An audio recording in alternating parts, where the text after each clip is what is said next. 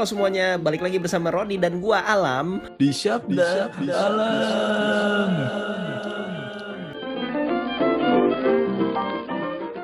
Halo, hey. Hey. Gila betul, niat banget orang-orang ini yang Selamat datang. Hey. aneh kabur ah malu aneh. Eh, Udah pakai direkam anjir. pakai AC nggak nih di situ nih? Kagak AC? lah. Kagak pakai AC anjir. Di sana berapa derajat? Udah sepuluhan dah. Turun ke bawah. Ih, Bentar lagi winter ya. Ntar lagi lockdown. Gile gile banget. Apa, apa sih? Top, topiknya apa sih topiknya? Ham? Topiknya ini mengenai S2 nih. Ya anjing baru sebulan gue dia udah kena lockdown ini. Corona di sana masih tinggi nih. Hah? Di sana masih tinggi corona. Di sini bisa dikatakan zona putih gitu bos. Jadi orang udah nggak peduli sama corona. Jadi kita sans aja gitu. Di outdoor itu nggak pakai masker bos di sini. Ih serius lu. Iya, kalau di outdoor itu nggak pakai masker, cuman masuk gedung udah di indoor aja sih. Angka positif naik terus dong. Wah, udah banyak banget bos. Makanya emang nih serius hari Kamis mau apa? National lockdown, tapi nggak separah pas bulan Maret dan April karena sekarang masih bisa ke kampus sih. Kalau dulu kan nggak bisa. National lockdown satu UK berarti. Satu UK, tapi Oh, education itu masih open sih. Iya, udah start lam, boleh lam.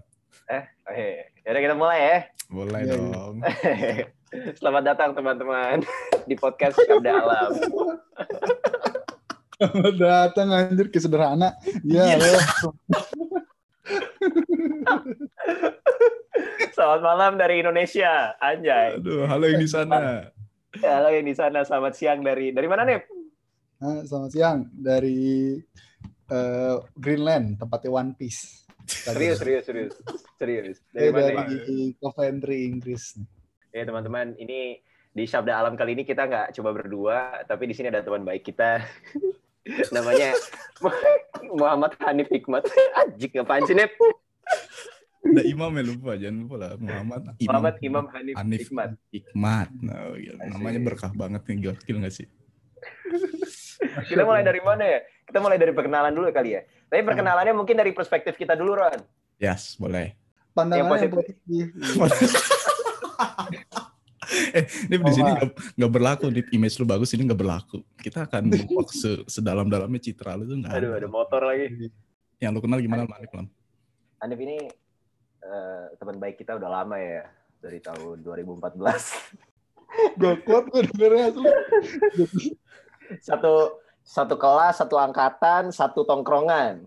Satu PK, Satu PK juga kita ngambil sama-sama ngambil hukum bisnis ya bertiga ya. iya. Eh, Hanif ini dari awal gua kenal anjir orang sombong nih pasti ini gitu kan. Soalnya pendiam, men. Pendiam, Arab-Arab ganteng anjing gitu. Biasanya orang Arab kan vibe-nya orang vibe orang Arab tuh eh, ini ini agak agak skeptis deh. Orang orang Arab tuh orang Arab itu ske- apa? Biasanya dua nih. Kalau nggak sombong, tapi satu bodor terus baik banget gitu. Yang terakhir sangean. Bukan gue tapi ya. Najis. Hanif ini teman kita yang paling genuine lah di salah satu teman kita yang paling genuine. Yakin lu genuine. Genuine. Genuinenya gimmick tapi Jadi itu apa adanya nih kata alam. apa adanya. Ente ini apa adanya nih. Dalam pertemanan tuh nggak nggak pernah neko-neko lah. Bagus. Nggak pernah bilang enggak kalau emang kenyataannya iya gitu. Nggak pernah bilang iya kalau kenyataannya enggak. Tapi bohong. Hanif ini beda dari yang lain lah bisa dibilang. Eh, ini kan yang positif-positif aja nih. Kalau negatif gue Ente jangan gitu nih. Eh negatif dulu ya. Hanif ini kan ganteng, terus eh, di Batu tuh yang ganteng ada dua, ada Hanif dan ada Ojan. Nah ini dua-duanya Nabi Yusuf tongkrongan kacau parah. Gue tuh kadang-kadang iri. Bahkan gue kalau jadi cewek tuh terkesipu gitu ngeliat mereka. Apalagi gua, kalau ngeliat mereka, lu, taruh gue di tengah-tengah Hanif sama Ojan dah. Anjing, gue ngerasa kecil banget jadi orang kayak Aduh. pantas dihina. Hanif ini ganteng, terus apa lagi? Pinter, eh, kaya, apalagi ya? Rendah Tapi- diri, tapi- rendah hati, rendah Nah, hati, rendah itu diri. dia itu dia. Itu itu yang membuat Hanif berbeda dari orang-orang eh, apa namanya orang-orang perkotaan pada umumnya gitu kan. Dengan segala kelebihan yang Hanif punya Hanif tuh orangnya rendah hati gitu nggak pernah macam-macam lah orangnya terus yang bikin gue salut sama Hanif tuh dia punya kepedulian sosial Wah, dia bener. tuh. Eh, empati tinggi banget sama sosial. Bahkan empatinya bahkan dia tuh kadang-kadang suka mikirin gimana sih pendidikan Indonesia ke depannya gitu. nah itu yang bagus Indonesia itu itu kacau sih kata gue kayak oh ini orang revolusioner banget nih untuk memikirkan Iya. hal seperti ini gokil gokil. dan ini mungkin bisa di, bisa dibilang salah satu alasan kenapa Hanif sekolah sampai jauh-jauh gitu kan nah iya parah jauh Iya. banget ini beda berapa jam kita nih Iya. Ntar sharing aja ya. Sharing apa account banknya ya, Bos. Aduh. nah itu kan tadi kan bagian positifnya nih yang negatif banyak juga nih Kenapa Ron? Kenapa Ron? Coba Ron. Oke, gue tahu apa ini. apa Ah, lam apa lam Pelit bukan? Ron apa Ron? Tadi apa Ron? nggak ada lah Hanif ini orangnya baik kok positif semua ya yang, yang negatif yang tahu hanya dia dan Allah semata ya pertama kali gue kenal Hanif itu sebenarnya kan dari dari ospek juga lam kita ya Semua dari ospek. dari ospek kan cuman sebelum ospek gue pernah ketemu dia nih. Oh ya? Iya, jadi gue lagi Hah? duduk nongkrong eh, sama sama sama senior lah, angkatan 2011. Siapa sih namanya nih? Lupa. Bang Oji ya? Bang Oji. Oh, Bang Oji. Oh Iya. iya iya. Gue lagi ngobrol-ngobrol sama Reja, sama Bang Oji duduk. Gue belum cukur rambut. Dia udah botak dia datang-datang padahal ospeknya H plus 2 apa Hamin 2 ya kan. Datang terus. Yo yo, gue dipanggilnya Bang dong. Saya Bang. gue merasa, wih gila kata gue. Gue orangnya ada dipanggil Bang aja. Ternyata besok-besok tanya se- satu ini satu kelas anjir. Satu- Arif ini jadi idaman banyak sekali wanita gitu. Tapi tapi gue nggak pernah ngerti kenapa kok Hanif nggak pernah nggak pernah punya- punya cewek pas kuliah gitu. Apa terlalu selektif atau gimana? Kenapa nih? Apa Kenapa? apa karena apa karena yang ada di kampus pada masa itu tidak memenuhi ekspe- ekspektasi libido lu apa gitu? Ya kalian tahu lah. Ini kampus siapa. Sudah dikejar sampai halte. Ya. Kampus cuma satu itu aja sih sebenarnya. Oh, di satu itu doang yang lainnya nggak ada ya, yang masuk kelas nggak ada ya. Kepincut ya, begitu. yang sampai buka kacamata, terus aneh harus lihat ganteng nih, ntar, ntar, ntar, ntar. pesona Hanif pokoknya uh, meninggalkan kesan yang sangat baik lah di di di mata teman-teman ya baik baik teman-teman cowoknya maupun teman-teman ceweknya gitu jadi ya overall secara keseluruhan Hanif adalah orang yang sempurna eh Ron Kenapa? sekalian selamatan juga dong kita Oh iya, selamat ya buat Mas Selamat. Hanif. Udah terpilih jadi ketua BEM Warwick. kita mau mengucapkan selamat turut berbahagia dan turut bangga pastinya uh, Hanif sahabat kita di terpilih menjadi ketua umum uh, Persatuan Pelajar Indonesia di Warwick Inggris anjir. Bacanya Warwick, man. Oh Warwick, Eh, sorry kan gue. Inggrisnya kan gue Inggris di Jawa Timur itu kampung Inggris bukan Inggris London sana. Iya, jadi Warwick ini nama daerah. Nama daerahnya Warwickshire. Semacam kabupaten lah, tapi pusat kotanya namanya Coventry. Hmm. Jadi iya. gue kebetulan tinggal di Coventry sih. ya, Selamat, terima, selamat, terima selamat. kasih. Mohon doanya semoga Ya. aman ya. Boleh Kenalin dong kita kita meminta perkenalan kepada Hanif karena yang dengerin podcast kita nih insya Allah bukan teman-teman circle batu doang nih tapi Ya. juga lintas pertemanan lah. Tapi Silakan. aneh, aneh kasih tahu ma aneh juga deh kalau tamunya ada Hanif. Pasti dia seneng nih. Nih. Ya, halo semuanya. Iya, iya. Nama saya Hanif. Sekarang lagi kuliah, kebetulan dapat rezeki beasiswa. Beasiswa BPM namanya. Beasiswa papa mama.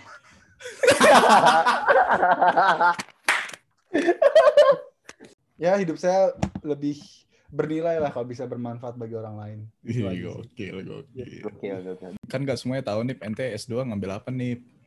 Oh iya. Saya kebetulan kuliah di Warwickshire eh di University of Warwick eh, jurusannya Innovation and Entrepreneurship cukup aneh ini saya langsung cerita aja ya nggak perlu tanya kan Boleh, boleh. perlu tanya. Boleh, boleh. Lanjut, lanjut. Boleh, boleh lanjut aja dah. Eh, kenapa saya ngambil gini karena saya melihat emang ini buat pelajaran buat kita semua sih Uh, karena gue melihat memang passion itu uh, dinamis sifatnya. Uh, misal memang kita sudah tetap, misal dari awal nih, dari masuk S1 gitu, udah rasa, wah gue anak hukum banget nih. Tapi kenyataan yang pas lu jalanin, dan juga abis kerja, ternyata lu bakal menemukan passion lu sesungguhnya sih. Jadi, uh, mungkin saran buat teman-teman yang lain, yang mau mungkin ambil S1, uh, get insight dari banyak orang, uh, terus lu dalemin dulu, uh, bidang studi yang lo mau ambil.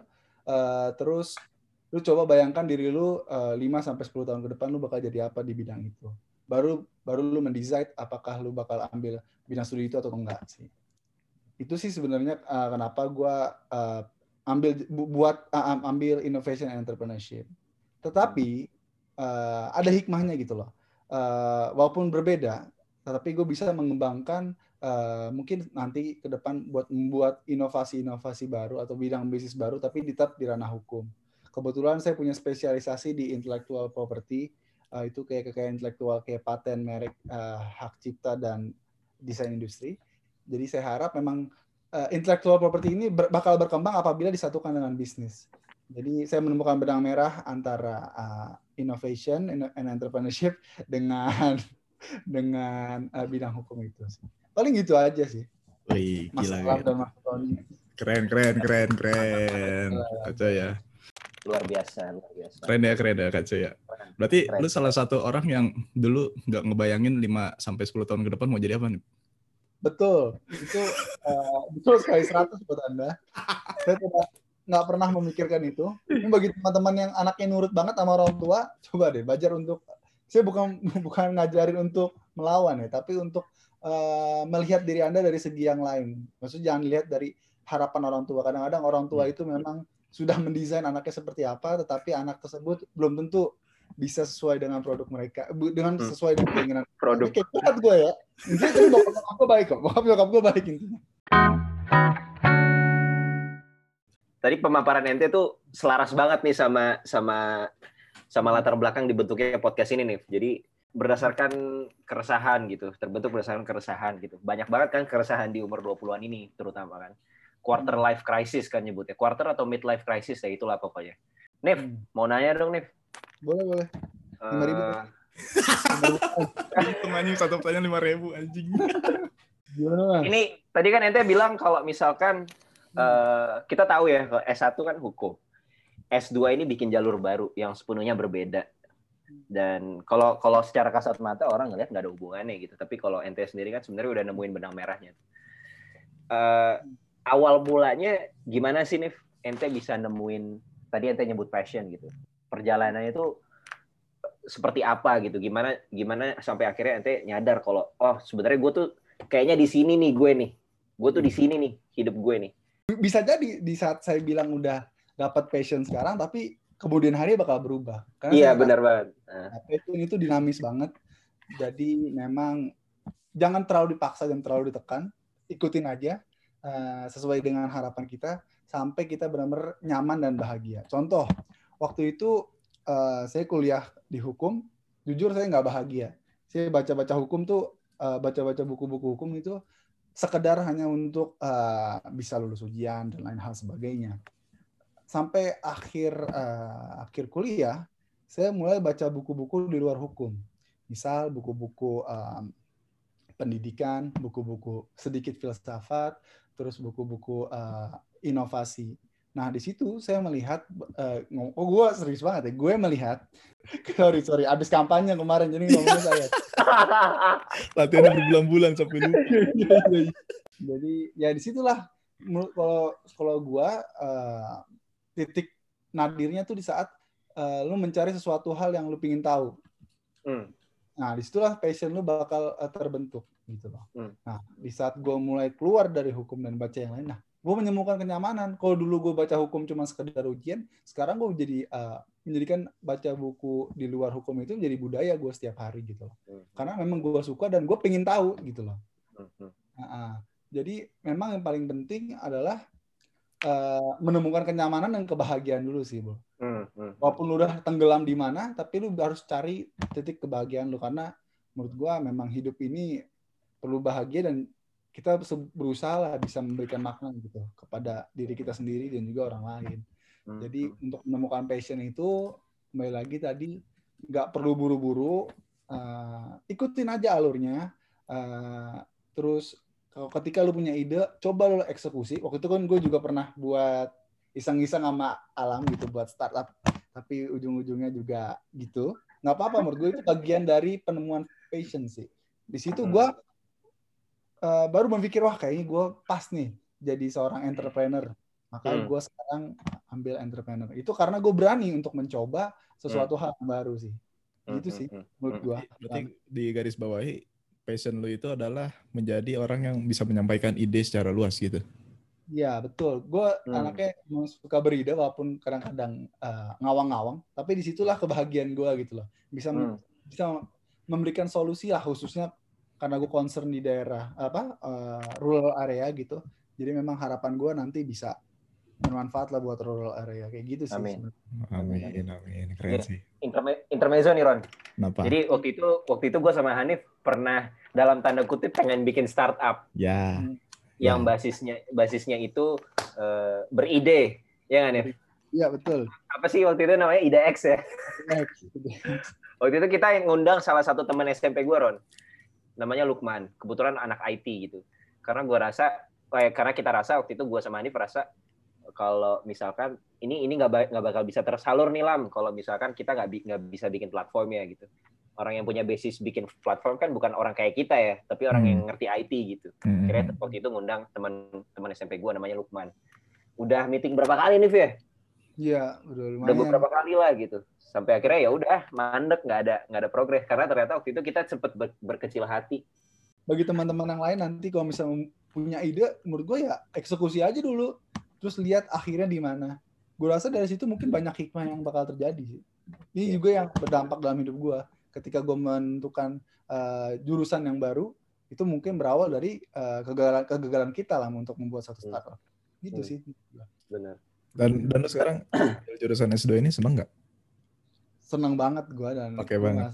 Iya karena emang inilah kayak kayak ini ini gue banget lah gitu. soalnya Iya. pelajarannya nggak nggak terlalu dalam terus Hmm. juga bisa untuk uh, mem- karena ide itu kan terlalu uh, liar ya nah di sinilah gue belajar untuk memvalidasinya gitu dan membentuk di, di- untuk membentuk suatu entah itu usaha nanti menjadi hal yang nyata gitu loh menurut gue menurut gue ini gua gua banget lah intinya Jadi berarti Tadi- kayak lu itu punya kiasan ide, tapi lu nggak tahu mau ngarah ke mana dan ketika lu Ah, masuk jurusan ini, oh jadi caranya menyudutkan ide gue begini tuh untuk ngurusin ah itu. Ya. bagaimana men- ya, men- men- mempertajam dan Mempertajam. memvalidasi lah Ah, ya Mantap. gitu sih ya Nev, tadi kan tadi kan lu bilang kalau misalkan ada hal yang membuat lu nyaman, ya kan? Hmm. Ada hal yang membuat lu kepo, ya kan? Apa sih itu? Apa yang membuat lu itu? Apakah dari buku? Apakah dari ketemu orang? Apakah keingintahuan? Iya, pertama keingintahuan sih, dan itu berawal mungkin eh yang bu- gue nyesel sih, Ba- baru eh, rajin baca buku tuh pas akhir-akhir kuliah. Coba dari dulu, mungkin teman-teman yang dari dulu mungkin pemikirannya lebih luas dan sudah terbentuk.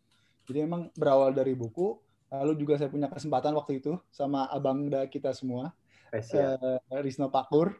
Abang Risno. Jadi dia gak punya Spotify kayaknya, ntar gue suruh denger kebanyakan ini. Nah itu gue diajak ke NTT sih. Waktu itu selama hampir dua, hampir sebulan lah, hampir sebulan.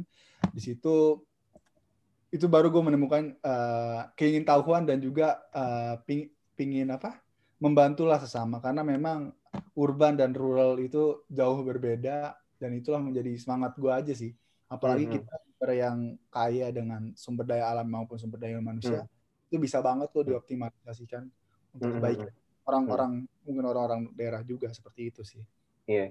Waktu itu lu berapa lama Nif ke NTT sama Bang Risno? Aduh, saya lupa sih. Dua minggu. Bulanan ada ya? Oh, dua minggu. Nggak nyampe, nggak nyampe lebih. Itu tapi gue di cuma satu pulau, Flores. Itu dari ujung ke ujung sih. Jadi Hmm.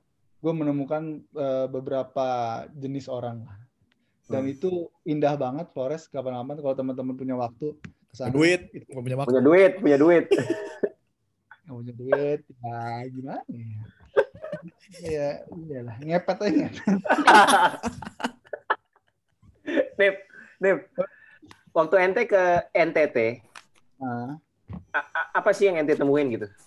Apa yang ente temuin sehingga itu eh, membangunkan jiwa ente gitu? Apa yang ente lihat di sana? Dan apa yang ente mau kembangkan di sana gitu? Boleh nggak bagi-bagi sama kita? itu itu menarik sih. Yang gue lihat adalah kebahagiaan tapi dengan cara yang berbeda. Misalnya kalau di kota kebahagiaan kita memang eh, punya karir yang bagus, punya mobil, motor gitu. Jadi sesuatu hal yang eh, materialistik. Tapi di sana saya melihat bahwa kebahagiaan itu ialah di keluarga itu sendiri. Bagaimana kita bisa saling mengisi satu sama lain. Bagaimana Hmm. kita ketawa tanpa gadget. Nah, gitu loh. Walaupun ekonominya sangat jauh dengan kita gitu loh. Min- Hmm. makan dan minum masih ambil dari sawah belakang gitu-gitu. Hmm. Hmm. Dan jarang menggunakan produk-produk yang sudah eh, terkenal misalnya. Dan Hmm. itulah yang menurut saya eh, menurut saya lagi, menurut gua maaf, maaf. Ke bawah kampanye. Iya, menurut gua itu perlu eh, adanya koneksi antara orang urban dan juga orang-orang rural gitu loh. Hmm, Bahwa hmm, hmm. kebahagiaan itu karena memang kita sudah terbentuk di kota misalnya, kebahagiaan itu memang sudah terwujud misalnya. Seperti mungkin juga kita pernah merasa apa? eh, bukan iri ya. Misalnya eh, misal seseorang udah nyampe jabatan ini terus kita eh, belum nyampe jabatan itu gitu. Itu menurut gua gua menjadi lebih was ketika gua melihat ke bawah gitu loh Hmm. dalam arti eh, orang-orang yang kur- lebih kurang eh, yang nggak seberuntung gua gitu loh. Di situlah gue menemukan eh, kenyamanan dan juga kebahagiaan sih. Gue harap nanti eh, bisalah gue eh, kebahagiaan itu bakal bulat ketika gue bisa membantu mereka eh, menjalani hidup mungkin lebih baik lagi dengan Hmm. eh, yang tadi kan lu tanya lu mau ngapain sih di sana yaitu mungkin salah satu bidangnya ialah indikasi geografis. Hmm, hmm.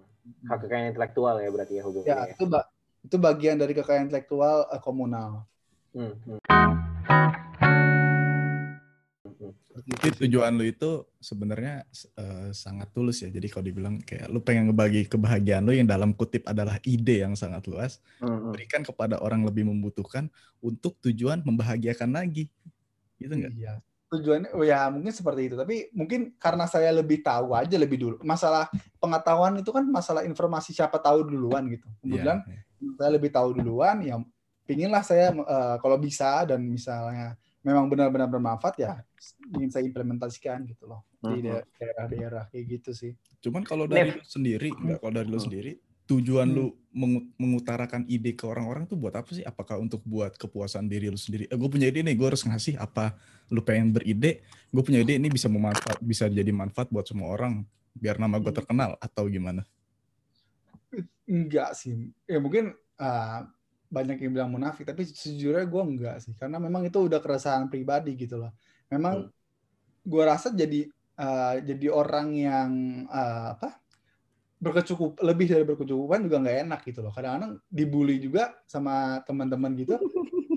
Feeling gitu walaupun kita berkecukupan tapi tidak enak gitu loh. Karena apa? Eh, orang-orang berkecukupan tuh pasti dipikirnya ah, sebelah mata, dipikir sebelah mata, itu mereka besar karena orang tuanya gitu loh. Mungkin Hmm.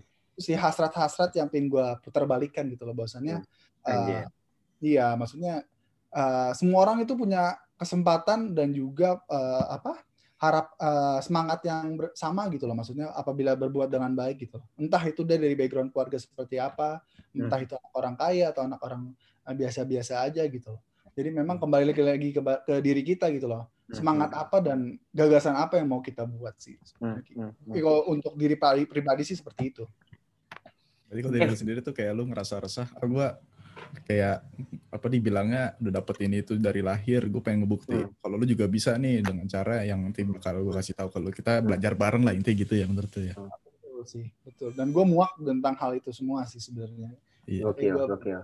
Iya iya Gue baru mau nanya soal itu. Apa sih yang yang membentuk mindset itu gitu loh? Karena tadi kan eh, ente ente ya kita transparan aja lah. Ente berasal dari keluarga yang lebih dari berkecukupan gitu kan. Tapi ente punya mindset yang nggak dimilikin sama anak dalam tanda kutip anak orang kaya lain gitu. Eh, gimana gimana gimana ente punya semangat kepedulian terhadap sosial? Gimana ente eh, mikir kalau eh, hidup tuh nggak bergantung sama orang tua gitu. Hidup tuh bukan soal enak-enaknya doang, tapi ente juga punya punya hal apa X faktor yang nggak dimiliki orang lain gitu. Jadi berasal dari keresahan itu ya Nif ya? iya sih disclaimer ini gue bukan orang kaya kaya banget enggak biasa-biasa aja tadi kalau mau Iya. biasa aja. Iya. Iya. Nah, Iya. iya nih. Kecukupan Kalau yang Iya, dengerin iya, yang dengerin iya. Kalau kita enggak. Enggak sumpah berkecupan aja. Iya sih. Dan kebetulan eh, alhamdulillahnya memang gue banyak belajar sosial itu ke ibu gue. Ibu gue itu bapaknya orang yang i- ya kebetulan gue ada keturunan Arab dari ibu. Eh, Jadi eh, buyut gue, bapaknya kakek gue itu benar imigran langsung dari Yaman. Hmm, Dan hmm. kakek gue itu memang salah satu tokoh inspirasi sih dalam hidup gue. Karena dia memang eh, membangun sesuatu dari nol. Dulu nyokap gue cerita pas kakek gue eh, ngambil buku temennya. Eh, terus eh, ket- terus ketahuan lah sama temennya, terus temennya ngelapor ke ibunya. Di saat itu kakek gue dimarahin sama orang tua ibunya.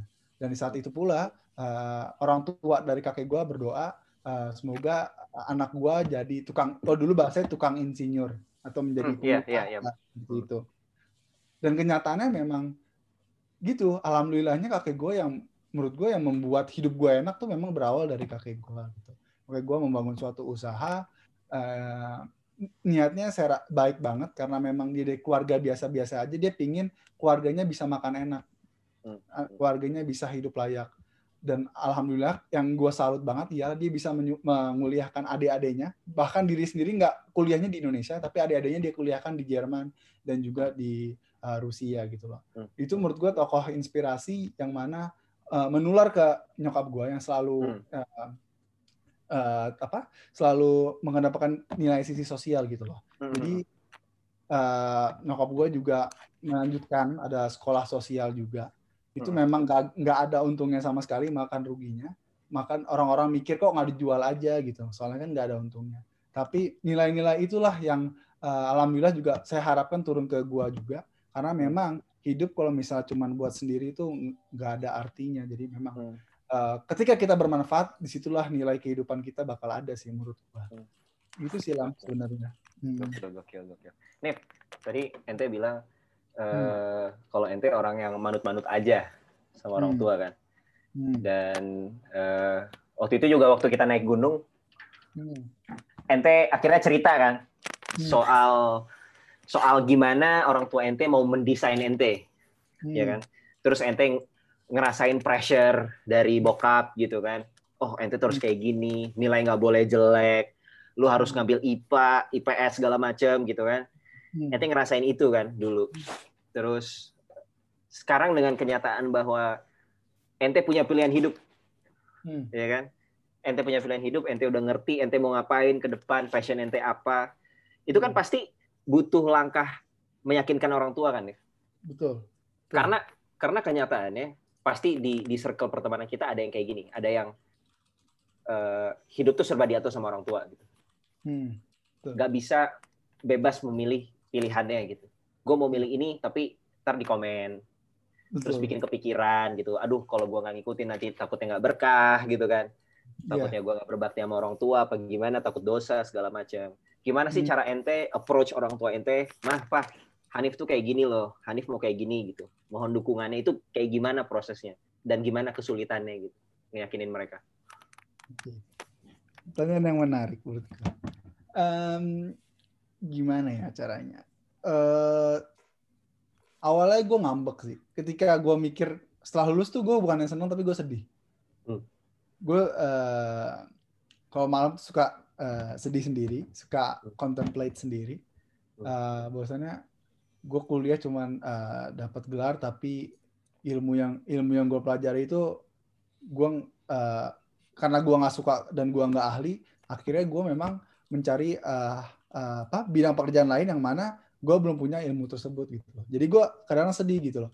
Maksudnya kok eh, misalnya orang menuntut gue untuk melakukan sesuatu tapi gue nggak punya ilmunya sehingga jadi pressure sendiri gitu loh karena eh, di bidang studi yang berbeda. Di situ gue akhirnya eh, sedih untuk beberapa beberapa saat. Eh, akhirnya gue ngambek-ngambekan lah. Misalnya gue ketemu uh, orang tua gue gitu misalnya diem aja. Uh, ini pas banget uh, awal-awal setelah kuliah gitu loh. Gue diem aja uh, malas ngomong uh, tapi uh, dan setelah itu akhirnya gue lebih banyak berpikir di situ gitu. Akhirnya kalau gue kayak gini terus gue sedih terus kapan gue bangkitnya gitu loh. Akhirnya uh, uh, gue mencoba keluar dari kalau kalau baca bukunya si apa seni bodoh amat tuh ada namanya gue lupa. Mhm. jadi itu lingkaran setan lah bahasanya itu lingkaran setan. Mungkin teman-teman banyak di lingkaran tersebut. Itu harus cepat-cepat keluar karena kalau misalnya uh, lu bak, di lama situ hidup lu bakal uh, uh, bakal buruk gitu loh jadi alhamdulillah gue nggak lama-lama gue keluar akhirnya gue ngomong ke nyokap gue bahwasannya Hanif gak bahagia gini gini gini gini. Uh, terus nyokap gue nanya Hanif bahagianya di mana? Nah di situ pertanyaan yang menurut gue uh, yang membuat hati gue lega dan juga sekaligus gue nggak bisa menjawab. Itu gue diem Hanif bahagia di mana? Hanif nggak tahu mah. Ya udah sekarang Hanif keluar cari yang Hanif suka seperti apa balik ke mama yuk kita bangun mimpi Hanif kayak gitu. Itu emang nyokap gue emang sangat eh, Sport. yang paling dekat ya itu nyokap gue sih Gokil, di gokil. situlah eh, barulah kebuka eh, apa barulah kebuka eh, cakrawala lah hidup gue seperti apa. Dan itu memang nyokap gue support. Waktu itu gue pergi ke mana gue pergi ke mana dia support. Akhirnya gue menemukan lah bahwasannya Hanif tuh sukanya kayak gini mah oke kalau gitu. Pap- mama ngobrol sama papa ngobrol sama papa Hmm. akhirnya bokap gue juga alhamdulillah eh, mulai sadar bokap gue ini kadang-kadang Enggak, bokap gue emang agak keras orangnya tapi gue juga banyak belajar dengan eh, dengan beliau gitu. Menurut gue orang tua itu memang terkadang buruk di mata kita tapi memang kalau kita mengambil sisi lain tuh banyak banget positifnya. Tapi tetap orang tua pasti sayang sama kita, selalu memberikan yang terbaik buat kita. Jadi Setuju. memang ya jangan terlalu negatif tapi kita boleh untuk memberikan pandangan sesuai dengan keinginan Benar. kita. Dan kita tunjukkan sikap dan berani bertanggung jawab dengan pilihan kita. Iya, gue juga orangnya tertutup ya, cukup Orang tertutup. tertutup dia. Tapi ini ini benar-benar di luar ekspektasi karena Hanif Hmm. akhirnya curhat sama kita tapi nggak di gunung tapi di podcast kita Ron. Iya. gue gue berharap mungkin eh, nanti yang dengar mungkin ada yang eh, sama pernah peng- meng- apa pengalaman hidupnya mirip-mirip dengan gue menurut gue ya kalau bisa berbagi dan dia bisa berubah lebih cepat kenapa harus nunggu setua gue Ya. dulu baru bisa menentukan sikap kayak gitu Benar benar benar. dan itu gue belajar juga di sini gue melihat anak-anak di sini walaupun eh, etika dan budayanya berbeda tapi mereka diberikan kebebasan berpikir seluas-luasnya sama orang tuanya makanya Hmm. orang-orang sini jago ngomong kan ngebacotnya cepet nah karena memang eh, orang tua emang tugasnya mendengarkan dan juga selalu eh, di sini yang gue lihat selalu eh, mendorong anak-anaknya eh, menjadi apa yang eh, dia inginkan bukan orang tua inginkan seperti itu karena memang Hmm. kalau kalau masalah kodrat itu kalau kata Ki Hajar Dewantara itu berbeda-beda setiap orangnya. Jadi kita sebagai orang tua nanti teman-teman juga eh, kalau aku punya anak tugas kita cuma satu yaitu membantu eh, anak-anak kita bertumbuh sesuai dengan kodratnya. Bagikan padi gitu loh. Kalau misalnya kita nanam padi ya tentu kita berharap menjadi padi. Jadi tugas kita ngapain cuma nyiramin, ngasih pupuk saya dan lain hal sebagainya. Jangan berharap eh, padi tersebut berubah jadi eh, apa menjadi eh, tebu atau buah kela- apa pohon kelapa gitu loh. Karena memang setiap orang memiliki ciri khas dan kodratnya masing-masing. Mungkin kayak gitu sih menurut gua. Mungkin Nggak- kasar. heran. Mungkin nggak kasar. heran dia apa. jadi ini ya Ron ya. Gokil. Gue Orang cukup, bener gue ya ngomong-ngomong ya. cukup terharu gue dengar ceritanya. Kayak Iya, iya. Eh ini ini hati ini banget. adalah ini adalah bagian cerita dari Hanif yang nggak pernah kita tahu loh Ron. Ya benar. Iya, Iya nggak? Benar-benar. Nggak nggak heran jadi ketum PPI ya, di. Warwick ya. Ngomongnya bagus banget. Literasinya tuh muah gitu loh. Muah, muah, muah al dente, woi. Jadi jadi poin dari apa yang ente ceritain ke kita intinya buka komunikasi Hanif ya, sesulit apa pun Iya, itu itu iya itu itu sama banget. orang tua. Hmm. Kalau gue dulu kalau punya masalah emang dari kecil selalu eh, ngebendem pribadi sih. Jadi jarang cerita sama orang tua. Dan gue udah dua kali eh, nyokap gue nangis pas SMP. eh, saking bingungnya dia. Ini anak kenapa sih gitu loh? Kok murung terus? Karena memang gue dari dulu nggak terbuka orangnya. Hmm. Sampai ah gue mulai terbuka nih bah pas selesai selesai kuliah gitu loh. Mah Hanif mau gini. Kadang-kadang gue ngelucu, mah Hanif mau nikah tahun depan misalnya kayak gitu. Kadang-kadang gitu itu baru terbuka setelah gue kuliah. Tapi saat uh, uh, di saat-saat umur-umur krusial dari SD sampai SMA itu memang uh, gue orangnya kurang terbuka sih. Hmm, hmm, hmm. Itu kalau bisa teman-teman eh, yang dengar nanti tetap selalu jaga komunikasi sama orang tua, selalu terbuka eh, karena memang orang tua lah yang bakal selalu mensupport kita gitu sih. Kalau kita cuma eh, menyelesaikan masalah sendiri, ujung-ujungnya kita bakal eh, selalu berpikiran negatif lah ke depannya kayak gitu sih. Karena kalau nggak gitu orang tua taunya kita baik-baik aja. Gitu kan. Ya, iya, betul betul betul betul. Tadi Ron, ente mau ngomong apa Ron? Lupa. ya, berarti berarti kasarnya untuk nanti buat para calon orang tua ya nih berarti apa berdasarkan apa yang lu bilang berarti kita harus sebagai orang tua nanti harus memberikan kepercayaan kepada anak-anak kelak nanti kita gitu ya. Betul, gitu. menurut gua gitu sih. Berikan kebebasan tapi dengan koridor. Tugas utama orang tua menurut gua ya menanamkan nilai-nilai aja sih. Entah nanti nilai agama, nilai kebudayaan atau nilai ya kalau nasionalis ya silahkan nilai-nilai negara gitu. Intinya tugas kita itu. Mau sampai kapan pun kita protek anak sih. Kalau anaknya bak, eh, bandel ya bakal eh, bandel gitu loh.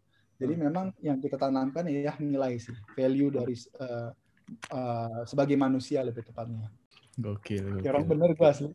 Asli Eh, emang sih. bener kok, emang bener. Emang bener, Emang, emang bener. bener. Ini Emang bener, mungkin nggak nggak semua orang tahu bakal nyadar oh ya ternyata komunikasi itu yang pertama ya gitu daripada Iya. sebuah lu nurut apa enggaknya. Kan Iya. karena Betul. apa ya kebahagiaan kita yang ngatur ya kita juga gitu. Kita kita juga nggak bisa ngeharapin kebahagiaan dari orang lain kan sebenarnya. Benar. Ya kan? Benar. Mungkin emang Betul, tujuannya betul. baik. Ya gue menurut pengen supaya orang tua gue bahagia ya tapi kalau misalnya sendiri kita juga nggak bahagia gimana kita mau bahagiain orang lain gitu kan Karena karena rata-rata orang-orang seumuran kita kepentok sama sama fenomena itu. Hmm. Banyak kan gitu. Nggak nggak semua orang tua tuh punya punya sisi open minded yang sama gitu yang kita harapin gitu. Apalagi kita kayak kita bisa dibilang generasi milenial nggak sih Nif? Iya. Bisa bisa. Iya nggak sih? Iya kan, open minded lah gitu. Dengan segala nilai-nilai yang kita dapat sekarang gitu, dengan era modernisasi yang kita dapat sekarang, Hmm. pikiran kita tuh seluas itu gitu. Tapi kita kepentok sama keterbatasan pemikiran orang tua gitu. Kita punya mimpi ini, kita punya ide ini, itu kepentok sama restu orang tua kan gitu. Iya kan? Tapi nih, lu lu berdua ada bayangan nggak sih? Kayak mungkin mungkin relate juga sama Hanif. Ada nggak eh, asumsi alternatif gitu? Misal kita udah buka komunikasi nih, kita udah bilang kita mau nentuin pilihan apa. Tapi ujungnya orang tua kita tetap keras gitu. Nggak, nggak boleh. Hmm. Kita harus ngapain tuh kira-kira? Lu tahu kan Lam, kenapa kata durhaka diciptain dalam agama Islam? Nah, kita kepentok sama sama ini juga sama pengertian berdasarkan nilai agama itu gitu. Kalau Nah, misalnya kita iya, setuju, setuju. takutnya nggak berkah, takutnya rezekinya nggak lancar gitu kan. Gimana Betul, ya? Menurut nanti gimana nih? Itu sulit sih memang. Tapi memang eh, menurut pengalaman gue ya kita harus pelan-pelan sih ngomong ke orang tua. Eh, walaupun eh, nanti diresponnya dengan marah-marah atau apa, emang kita harus sabar. Kalau misalnya orang tua kita keras ya, moga-moga sekarang orang tuanya udah makin terbuka gitu. Kalau orang-orang zaman dulu kan memang eh, karena saking sayangnya jadi dia merasa karena dia berpengalaman dia paling tahu lah tentang Iya, eh, iya, iya, iya, iya benar. gitu kan. Benar, setuju banget. Memang tugas kita ya memang meyakinkan dan pelan-pelan sih. Dan Hmm. satu lagi, kalau misalnya lu deket sama, biasanya kan kalau anak-anak bisa deket sama bokapnya atau deket sama nyokapnya, pergunakanlah networking itu gitu, kayak gue. Memang gue agak sulit komunikasi dengan bokap, ya pasti gue deketin mak gue, dan akhirnya mak gue yang ngomong ke bokap gue, dan Hmm. ujung-ujungnya uh, orang bokap gue mengerti sih. Paling Hmm. itu. Pasti ada lah kita dekat sama salah satu orang ketua kita kan, dan lebih nyaman ke mana kalau bisa bercerita sih. Kalau bisa dua-duanya bagus banget. Tapi kalau di di case gue, gue lebih deket ke mak gue dan nyokap gue lebih jauh pengertian kepada gue sih. Nah, kalau nggak ada, Maksudnya nggak ada apanya nih? nggak ada yang bisa diajak ngomong, Nggak ada yang bisa ngomong. nggak ada yang bisa ngertiin lu lah. Kan kalau kan bilang tadi kan deketnya sama ibu gitu kan. Cuma gimana kalau misalnya dia nggak deket sama dua-duanya gitu. Eh, mungkin nanti saya kirim apa kontak orang psikologi atau ini. Ini Apa? menarik. Ada di saudara gua, dia emang kayak gitu. Nyokap bokapnya malah nggak masuk komunikasi nih, tapi dia cerita ke nenek gua. Hmm. Nah, dari nenek lah malah yang nyaranin ke nyokap dia, terus akhirnya dia bisa komunikasi dengan baik. Menurut gua jalan selalu ada sih. Tinggal kita Setuju. pe- eh, sabar sama coba untuk komunikasi berulang-ulang dan Hmm. yakinkan dengan eh, mungkin kalau mungkin orang tua yang percaya dengan data ya keluarkan dengan data kalau orang tuanya percaya dengan eh, lu udah melakukan apa tidak ya lu lakukan aja gitu Iya, iya, iya, setuju, Kembali setuju. lagi. Selama kita ada niat, apalagi berawal dari niat yang baik, yang mulia, insya Allah ada ada jalannya ya, apa pun itu ya. Betul. innama a'malu biniat Apa tuh artinya mas? Amin. kita pulang Apa mari, mari kita pulang. Mari lah kita pulang. semua berawal dari niat gitu loh Ente ente ngambil jurusan ini gitu kan, yang Hmm. yang ente udah lihat prospek ke depan. Eh, let's say udah kayak gitu ya. Terus Nah. eh, ente rela gitu eh, jauh sekolah. Banyak Hmm. pengorbanan kan, If? Pengorbanan biaya, pengorbanan waktu sama keluarga, sama kita nih, teman gunung lu. Hmm. Karena jujur, gua gua sama Roni waktu itu ngobrol, belum sempet ngobrol sama Binu juga. Hmm. Kita naik gunung nggak ada transport sekarang. anjir dimanfaatin ternyata. Nggak dimanfaatin. Kita sedih aja gitu. Nggak. nggak ada nggak ada lu tuh ada yang kurang pasti gitu kan. Ya. Pasti ada yang Iya. kurang. Nah, ada gambling nih di di posisi ente yang sekarang? Misal gue udah lulus gitu, bisa nggak bener-bener gue terapin nih mimpi gue gitu? Atau ternyata lu malah berakhir di let's say di birokrasi gitu Hmm. atau di perusahaan swasta yang yang yang mana lu nggak bisa aplikasiin ilmu lu secara selu- secara menyeluruh gitu, secara signifikan gitu. Iya. Ada nggak gambling itu nih dalam pikiran? Gua di pengalaman gue sih keraguan bakal selalu ada sih menurut gue. Dan ekspektasi yang tinggi pun akan selalu ada. Misal kita begini begini begini begini. Makanya eh, di sini gue belajar lah. Gue ketemu dengan orang-orang teman-teman gue tuh yang lebih dewasa dan daripada gue itu dia eh, ngasih insight banyak ke gue jadi masalah ekspektasi ke depan atau nanti gambling gimana gimananya memang eh, kita harus manage itu sih. Jadi memang kita harus buat plan A, plan B, dan plan C gitu misalnya. Hmm. Jadi apabila kita gagal di plan A misalnya, kita tahu harus ke mana gitu loh. Intinya bagaimana eh, kita bisalah eh, siap untuk eh, apa pun yang terjadi saat nanti. Siap dalam arti kita nggak kebingungan gitu loh. Jadi kalau misalnya kita nggak dapet A tadi, kita harus ke B misalnya. Kalau nggak dapet B, kita harus ke C. Kayak gitu sih menurut gua. Jadi kalau misalnya gambling pasti ada gambling. Gue juga yakin nggak yakin soalnya teman-teman gua udah jago uh, ahli-ahli bisnis semua di sini karena memang kebanyakan dari background bisnis dan gue dari hukum.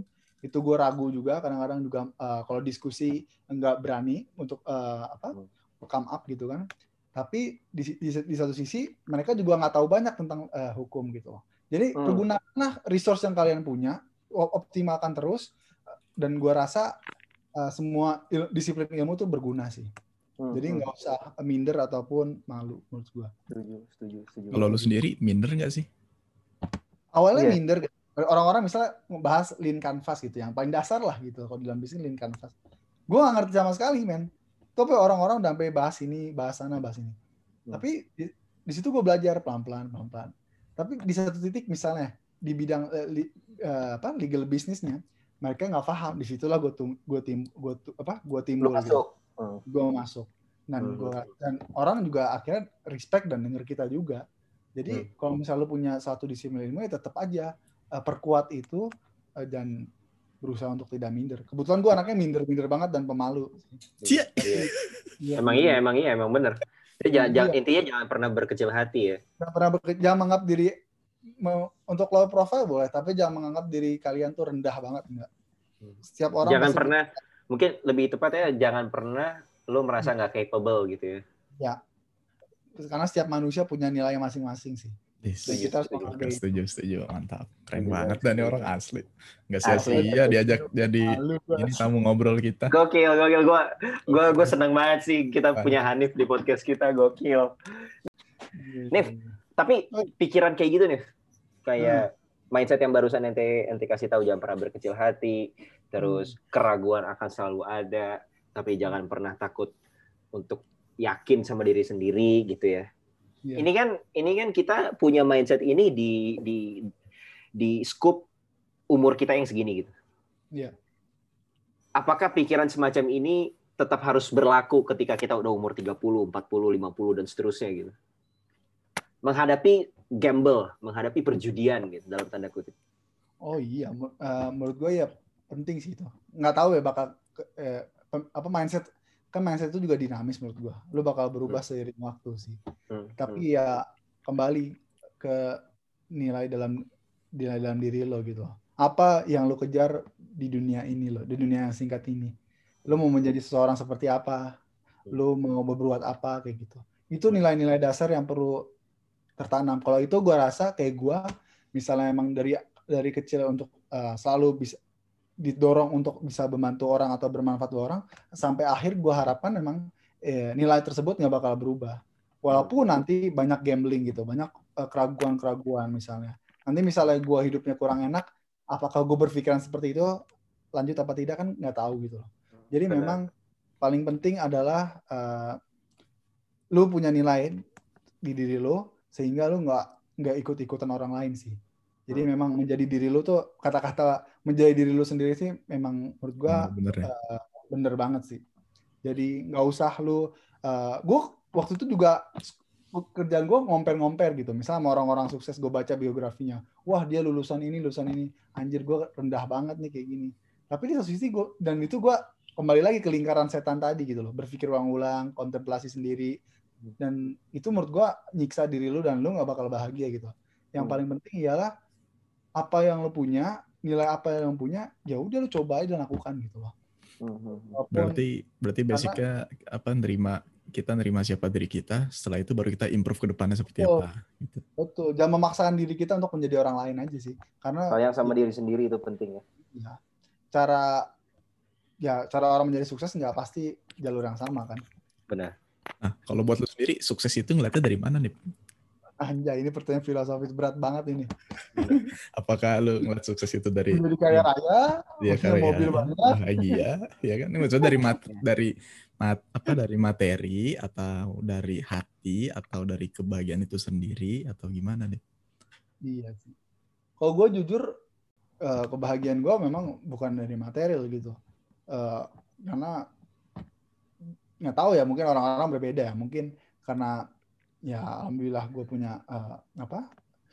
Ya ke- ke- kelebihan maksudnya gitu kan. Jadi memang kebahagiaan gue bukan di situ gitu loh. Kebahagiaan gue ketika orang bilang terima kasih ya eh, eh, ide lu atau ah, apa eh, kelakuan lu tuh berguna banget loh buat gini gini gini di situlah gue menemukan kebahagiaan itu entah sekecil apa pun itu waktu itu gue juga pernah jadi volunteer di Asian Games gue kerjaan gue cuma ngatur-ngatur bus cuy tapi eh, ketika orang-orang yang LO LO misalnya dari negara eh, waktu itu ada India Cina gitu kan terus dia bilang eh, terima kasih banget misalnya udah nyiapin transportasi yang bikin mereka eh, nggak harus berpikir banyak dan eh, me- apa membuat si apa ketua kontingen kontingennya eh, nunggu lama kayak gitu. Itu ses- Sesimpel itu sih kebahagiaan menurut gua. Ketika kita bisa bantu orang. Gila keren keren. Aja. Gokil, Aja.